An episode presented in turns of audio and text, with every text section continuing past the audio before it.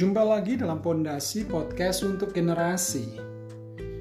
Lupain aja ini episode keberapa saya lupa, season keberapa saya juga lupa. Pokoknya Pondasi Podcast untuk Generasi. Kali ini kita akan membahas tentang Miss Queen. Ini bukan tentang Nona Ratu, tetapi ini adalah homofon. Satu suaranya, pengucapannya sama, tapi artinya beda kalau Miss Queen itu nona ratu, tetapi yang saya maksud di sini adalah kata-kata anak-anak muda kekinian untuk mengatakan miskin. Lebih keren aja sih, Miss Queen.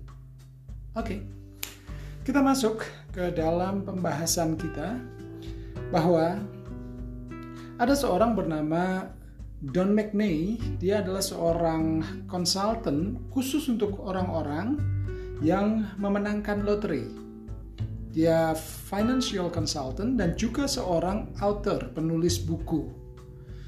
Dari berbagai klien yang dia dampingi, akhirnya Don McNay membuat sebuah kesimpulan yang dia tuangkan dalam buku yang berjudul Life Lessons from the Lottery.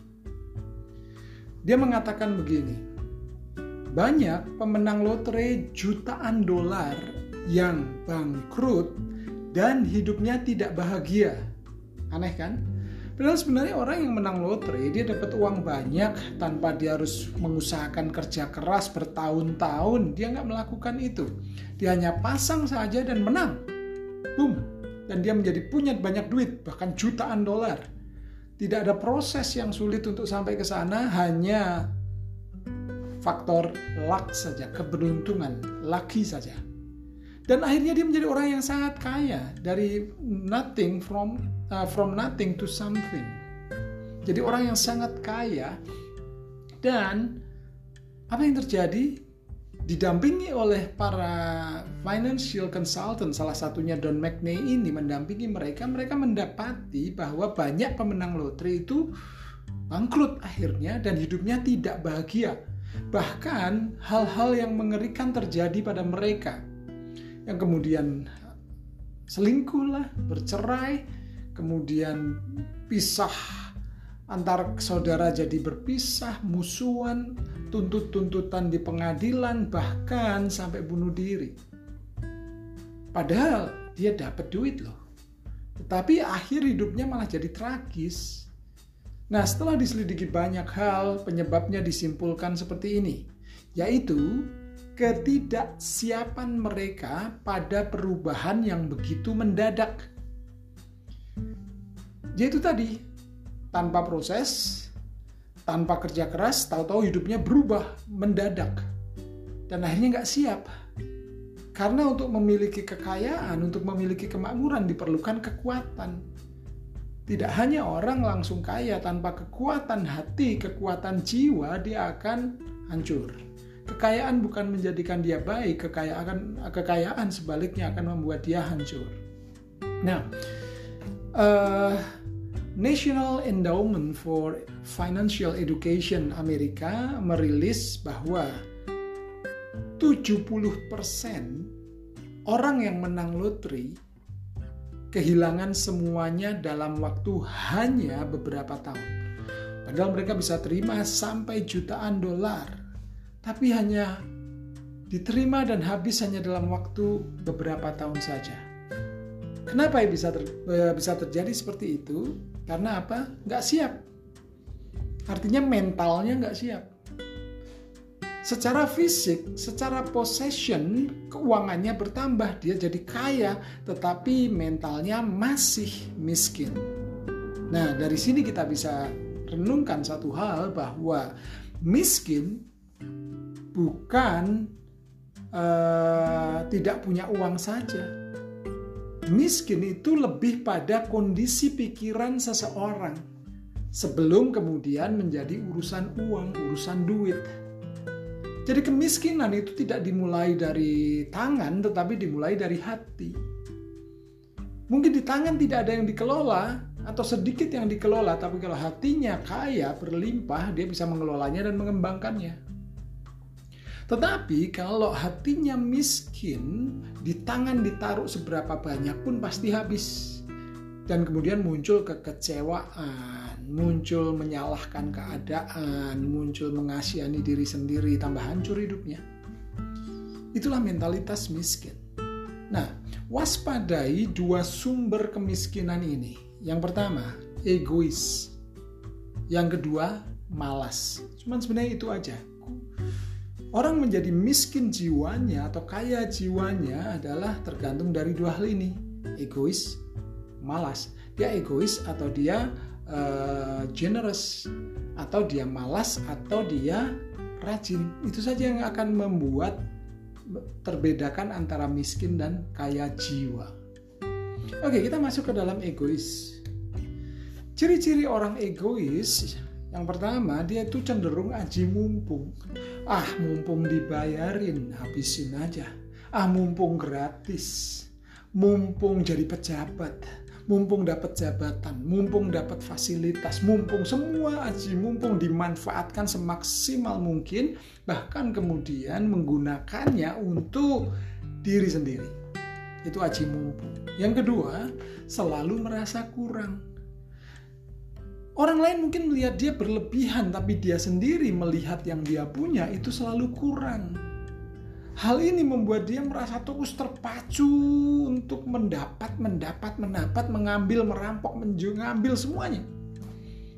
Tanpa pernah berpikir untuk melepas. Karena apa? Dia merasa kurang. Dia tidak bisa mensyukuri apa yang ada di tangannya. Dia selalu ingin mendapat lebih lagi. Dan selalu tidak bisa melihat apa yang ada di tangannya tapi melihat di tangan orang lain. Apalagi kalau yang orang lain miliki lebih banyak dia merasa terpacu lagi untuk mendapat dan terus merasa kurang. Akhirnya hidupnya habis untuk sebuah pencarian demi pencarian tanpa pernah bisa menikmati. Dia mungkin punya banyak uang tetapi mentalnya miskin. Yang ketiga Orang seperti ini kemudian menjadi sulit untuk bermurah hati, sulit untuk generous karena semuanya aku, punyaku, diriku. Dia tidak bisa melihat keluar, apalagi melihat kebutuhan orang lain, nggak bisa. Karena semuanya tertutupi dengan tembok tebal yang namanya egois aku. Makanya dia sulit untuk murah hati. Bahasa ini masih bagus ya. Kalau bahasa kasarnya dia sebenarnya pelit gitu aja deh dia sulit untuk melepas, inginnya mengambil. Nah, yang keempat, ciri orang egois adalah selalu merasa perlu dibantu. Cirinya gampang kok dalam percakapan dengan teman-teman kalau menemukan orang yang selalu playing victim terus, dia sebenarnya egois. Dia caper terus, dia egois. Dia baper, caper. Ya, selalu pengen dibantu, selalu dialah yang paling ter, ter apa namanya eh, paling sulit hidupnya dan minta bantuan terus dan akhirnya nggak mampu berdiri dengan kakinya sendiri.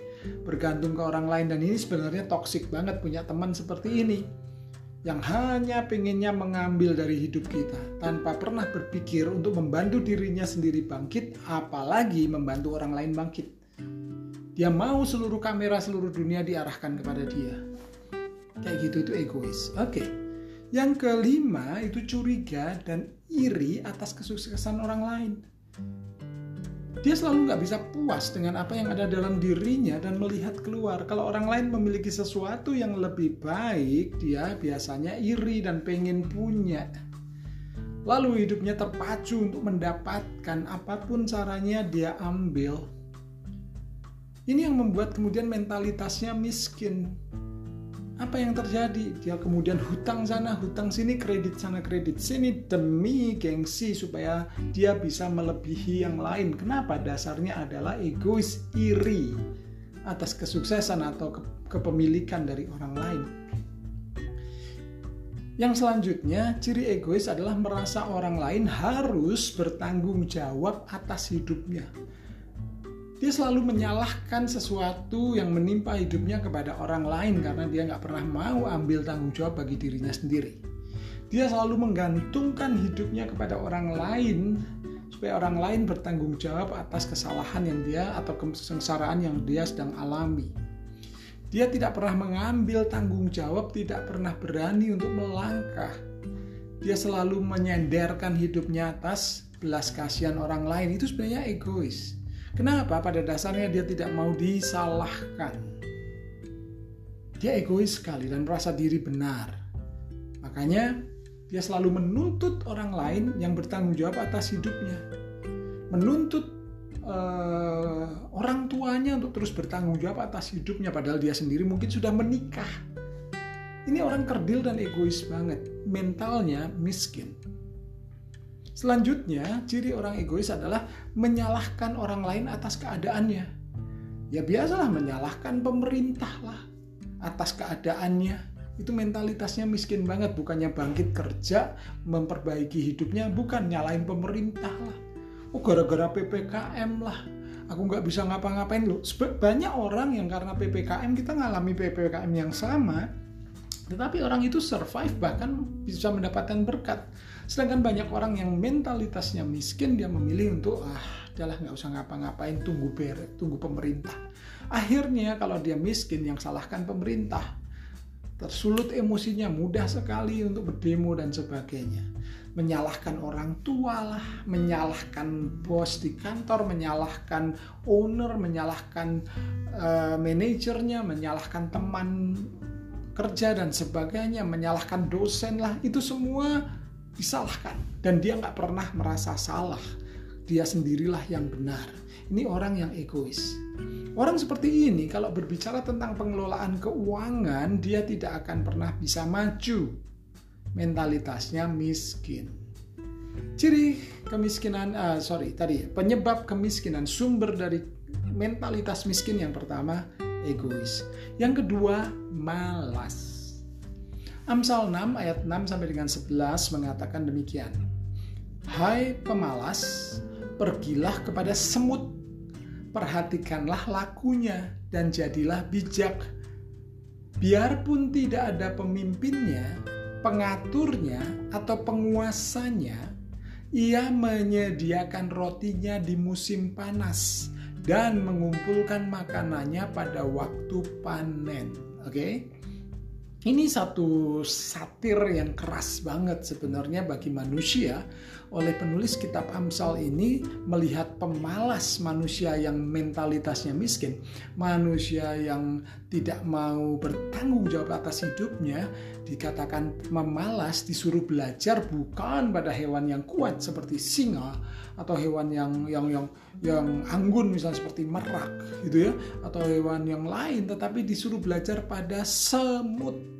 Hewan yang kecil yang sering kali tidak dianggap ada di mana-mana dan disuruh memperhatikan lagi lihat tuh attitude-nya semut setelah kamu lihat kamu akan jadi bijak ini kan sindiran yang keras banget teman kita disuruh belajar dari semut supaya kita bijak tapi ini benar, ini kebenaran. Karena apa? Semut itu tidak ada pemimpinnya, tidak ada yang ngatur, tidak ada penguasanya. Ia menyediakan rotinya sendiri di musim panas. Dia prepare dan dia bertanggung jawab atas hidupnya. Dia tidak malas selama musim panas. Dia tahu musim akan berganti. Ini musim yang bisa musimnya kerja karena ada satu musim dingin nanti yang nggak mungkin kita keluar dan kerja lebih baik kita prepare, menyediakan rotinya di musim panas dan mengumpulkan makanannya pada waktu panen. Dia tidak menghambur-hamburkan kemudian makanannya di waktu yang tepat dia mengumpulkan makanan dan preparation dan tidak poros untuk persiapan di masa-masa sulit. Sekarang ini banyak orang kaget karena pandemi, masa sulit, tidak punya persiapan sebelumnya. Karena apa? Pada saat masih enak, dia kumpulkan semuanya dan dinikmati habis-habisan di sana. Begitu ada masa sulit, selesai sudah. Tidak bisa apa-apa. Semut aja tahu. Semut tahu timing, semut tahu preparation, semut tahu tentang responsibility. Masa manusia enggak? Dan yang manusia yang enggak ini dikategorikan pemalas oleh kitab Amsal. Dan kemudian dilanjutkan, Hai pemalas, berapa lama lagi engkau berbaring?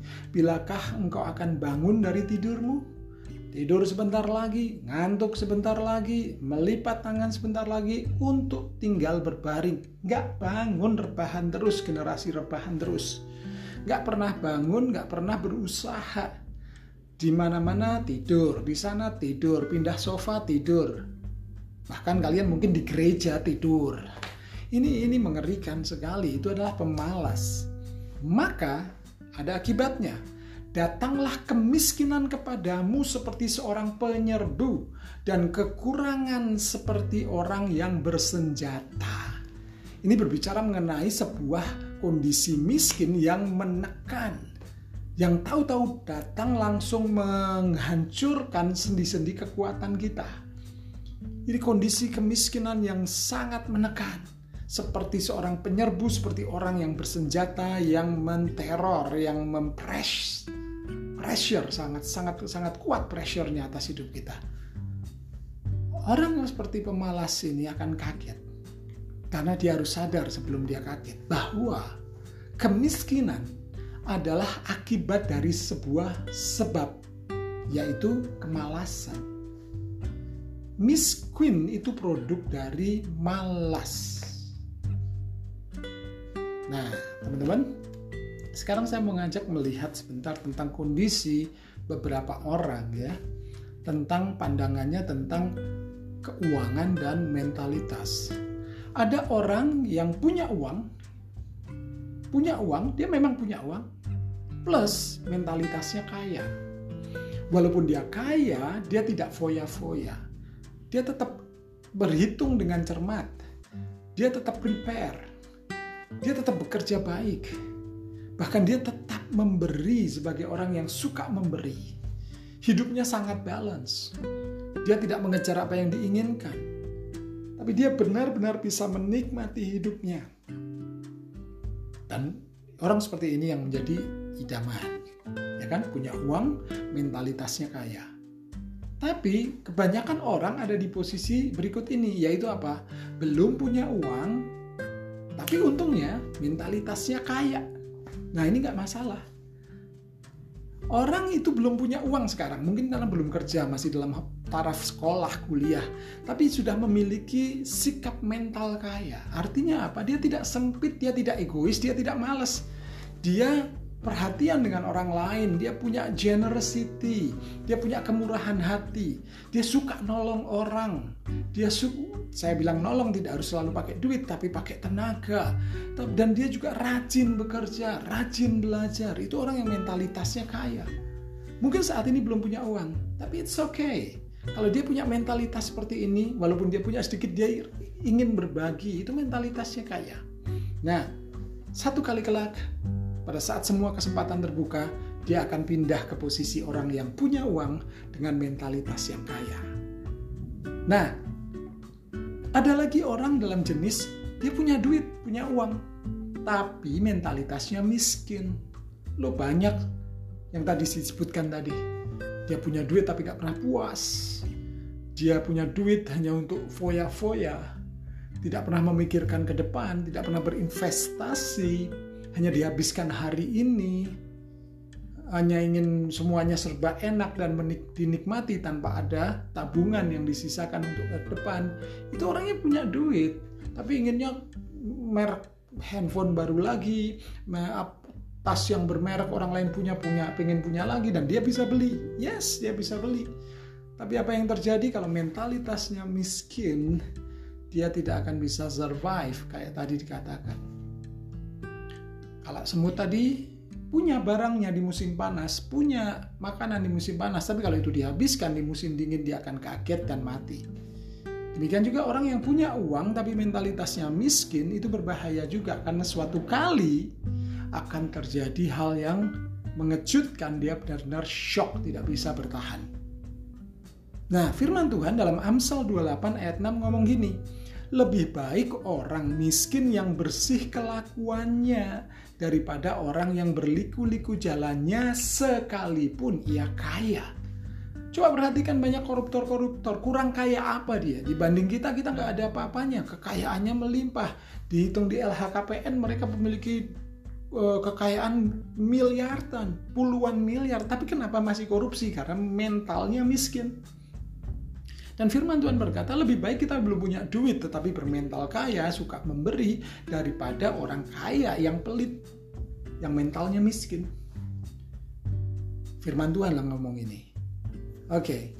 Nah, kemudian di dalam Pengkhotbah 4 ayat 13 ayat 14 dikatakan lebih baik seorang muda miskin tetapi berhikmat daripada seorang raja tua tetapi bodoh. Lihat, seorang muda miskin tapi berhikmat ini adalah orang yang belum punya duit tapi mentalitasnya kaya. Daripada dia lebih baik daripada seorang raja tua. Raja itu pasti kaya. Tapi dia tua kalau tidak mau belajar tapi bodoh. Yang tidak mau diberi peringatan lagi. Itu orang-orang yang bebal. Mentalitasnya miskin. Karena dari penjara orang muda itu keluar untuk menjadi raja. Lihat, kemiskinan tidak punya duit itu membatasi segala sesuatunya kayak penjara memang. Tapi kalau mentalitasnya kaya, punya hikmat, maka dia akan keluar dari penjara dan menjadi raja. Menggantikan raja bodoh tadi. Biarpun ia dilahirkan miskin semasa pemerintahan orang yang tua itu. Pada saat yang tua itu sudah tidak ada lagi akan muncul orang-orang yang punya uang tapi mentalitasnya kaya. Asal pada saat dia belum punya uang mentalitasnya sudah kaya. Ini bicara tentang kondisi hati teman-teman. Oke, sekarang ada lagi golongan yang tidak punya uang. Tadi kan punya uang mental kaya. Belum punya uang mental kaya tidak punya uang, mental miskin. Nah ini ada golongan satu lagi yang mengenaskan. Tidak punya uang, mentalitasnya miskin. Kitab Amsal mencatat, Amsal 13 ayat 7a. Ada orang yang berlagak kaya, namanya berlagak itu berlaku tidak sebenarnya kan berbohong kondisinya. Berlagak kaya berarti dia nggak kaya, dia miskin. Tetapi tidak mempunyai apa-apa. Termasuk ini orang-orang yang kadang-kadang secara ekonomi mungkin sangat mepet tetapi secara dia tidak mau yang penting penampilannya tetap bling bling ngejreng. Makanya dia kejar dengan kredit ini kredit itu pinjol apalagi Hah. dan akhirnya dia terjerat dengan macam-macam. Ini harus diwaspadai teman-teman. Ada empat posisi seseorang dalam kaitannya hati dan harta Makanya perhatikan di mana teman-teman ada. Di posisi tidak punya uang, mentalitasnya miskin, atau punya uang, mentalitasnya miskin, atau belum punya uang, mentalitasnya kaya, atau punya uang, mentalitasnya kaya. Silahkan pilih. Cek ke dalam hatimu dan silahkan pilih. Ini penting teman-teman ya sebenarnya gampang sih untuk ngetesnya.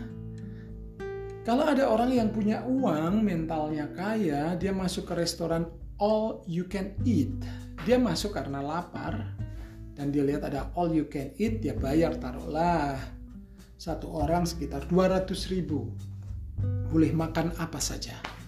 Ayo dia ngambil secukupnya karena dia memang lapar dia ngambil secukupnya dia makan dan selesai itu orang yang punya uang bisa bayar mentalitasnya kaya. Dia tahu kondisinya sudah kenyang selesai. Nah satu kali orang yang kaya ini mengajak orang yang belum punya uang mentalitasnya kaya. Orang ini mungkin nggak bisa bayar. Tapi dia diajak oleh orang kaya ini makan di all you can eat kebayarin oke okay? dibayarin Orang yang mentalitasnya kaya, sekalipun dia ditraktir, dia tidak akan aji mumpung. Dia juga akan bersikap sama. Dia akan tahu itu aturan. Dia tidak tidak membuat mempermalukan dirinya. Dia makan secukupnya. Setelah kenyang ya sudah. Dia ambil seporsi dulu. Oh kalau kurang ambil lagi karena memang all you can eat. It's okay. Tapi setelah kenyang ya selesai dia tidak ngambil sembarangan. Nah, itu orang-orang yang mentalitasnya kaya. Walaupun punya uang, belum punya uang, makan di all you can eat. Nah, sekarang kita lihat orang yang punya uang, mentalitasnya miskin, masuk ke restoran all you can eat. Dia bayar 200 ribu. lalu dia ambil itu makanan dia pikir wah ini masih masih 100 ribu nih tambah lagi dihitung sungguh-sungguh detail kalau perlu jangan sampai rugi dia ambil sebanyak-banyaknya atau bolak-balik ngambil sebanyak-banyaknya selalu dihitung. Oh, ini masih 125 masih ada 75 ribu lagi. Ini masih oh, oh ini sudah mentok 200 karena ini all you can eat. Tak tambahin aku nggak mau rugi. Akhirnya dia makan apa saja sampai kekenyangan ngambil dan akhirnya sisa-sisa. Ini mentalitasnya miskin. Aji mumpung walaupun dia bisa bayar tapi dia nggak mau rugi di situ. Oke ini satu kali dia ngajak ada ada orang uh, orang kaya ini satu kali orang kaya ngajak orang yang tidak punya uang mentalitasnya miskin makan di all you can eat. Oke gue bayarin deh. Ini yang traktir misalnya orang yang punya uang tapi mentalitasnya miskin ya. Gue bayarin. Akhirnya berdua lah mereka makan di situ.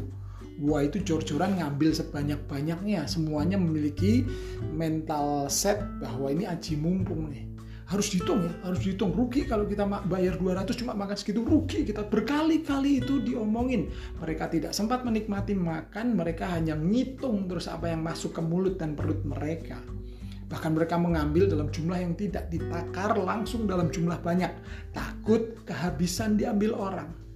Benar, setelah mereka makan yang begitu banyak, sisalah di situ. Mereka sudah nggak kuat lagi, mereka udah nyender di kursi. Langsung yang traktir bilang, makan dong itu masih sisa. Udah kenyang bang, selesai bang, kenyang. Wah rugi dong aku, makan. Gak bisa bang, langsung udah panggil mas, mas, mas, bungkus. Ha, di restoran all you can eat tidak boleh bungkus teman. Di situ malah di kalau kelebihan gitu kelebihan ngambil dan sembarangan malah kena denda kena charge langsung peres, orang restorannya ngomong maaf pak ini nggak bisa dibungkus di sini kalau bapak ngambil kebanyakan gini malah kami kenakan charge 100 ribu wah langsung orang yang traktir ngomong ayo habisin kalau rugi gue nggak nambahin 100 ribu buat traktir loh inilah orang-orang yang mentalitasnya miskin pada saat mereka makan di all you can eat bisa kok kelihatan Nah, kalian di mana? Gitu aja pertanyaannya. Kalian di posisi mana? Miskin mentalitasnya atau kaya? Egois atau peduli dengan orang lain? Malas atau rajin? Kalau pengen kalian tahu apa yang Tuhan inginkan tentang diri kita, Tuhan pengen kita itu memiliki mentalitas kaya jiwa kaya, hati yang kaya. 3 Yohanes 1 ayat 2 dikatakan, Saudaraku yang kekasih, aku berdoa semoga engkau baik-baik dan sehat-sehat saja dalam segala sesuatu, sama seperti jiwamu baik-baik saja. Itu terjemahan Indonesia. Saya uh, kasih yang New King James Version ya. Beloved, I pray that you may prosper, prosper, melimpah, kaya in all things dalam segala hal and be in health dan selalu sehat. Perhatikan, just as your soul prosper. Seperti jiwamu juga melimpah, mentalmu melimpah, mentalmu mental kaya. Itulah yang diinginkan oleh Tuhan kita setiap anak-anak Tuhan harus memiliki mental kaya. Karena apa? Untuk menjadi kaya yang beneran dimulai dari jiwa yang kaya, mental yang kaya. Karena Tuhan mengajarkan kepada kita juga orang-orang yang mentalnya kaya adalah orang-orang yang generous, suka memberi, suka menolong orang lain. Kisah Rasul 20 ayat 35 Yesus ngomong gini, adalah lebih berbahagia memberi daripada menerima. Pengemis itu posisinya selalu menerima. Dan tidak ada pengemis yang hidupnya bahagia, happy, happy beggar gitu nggak ada. Karena memang hukumnya adalah orang yang memberi itu lebih berbahagia. Mereka happy pada saat menerima, wah senang dibantu, it's okay. Tapi kalau kemudian mentalnya berhenti nunggu bantuan selanjutnya, selama nunggu itu dalam jangka waktu lama dia akan sengsara, makan sulit, kerja nggak males ogah-ogahan, kemudian nggak ada yang dimakan kelaparan. Kemudian satu kali ada bantuan lagi seneng. Nah senengnya karena menunggu orang lain melakukan sesuatu baru dia bisa happy. Happy-nya tergantung dari orang lain. Tetapi kalau kalau orang yang memberi, yang generous, yang mentalitasnya kaya, happy-nya betul-betul bisa dia ciptakan sendiri, yaitu dengan apa? Berbagi. Itu yang perlu kita pahami teman-teman tentang miskin, bahwa miskin itu sekali lagi bukan soal tidak punya duit saja, tetapi lebih pada kondisi pikiran seseorang sebelum kemudian menjadi urusan uang. Nah, kondisi pikiran, kondisi jiwa, kondisi mental seseorang ini bisa menjadi miskin karena dua hal, egois dan males. Makanya, kalian harus rajin dan peduli dengan orang lain. Oke, okay. itulah yang jadi renungan kita. Jangan punya mentalitas miskin, miliki mentalitas kaya. Dengan cara apa? Peduli dan rajin. God bless you. Ciao.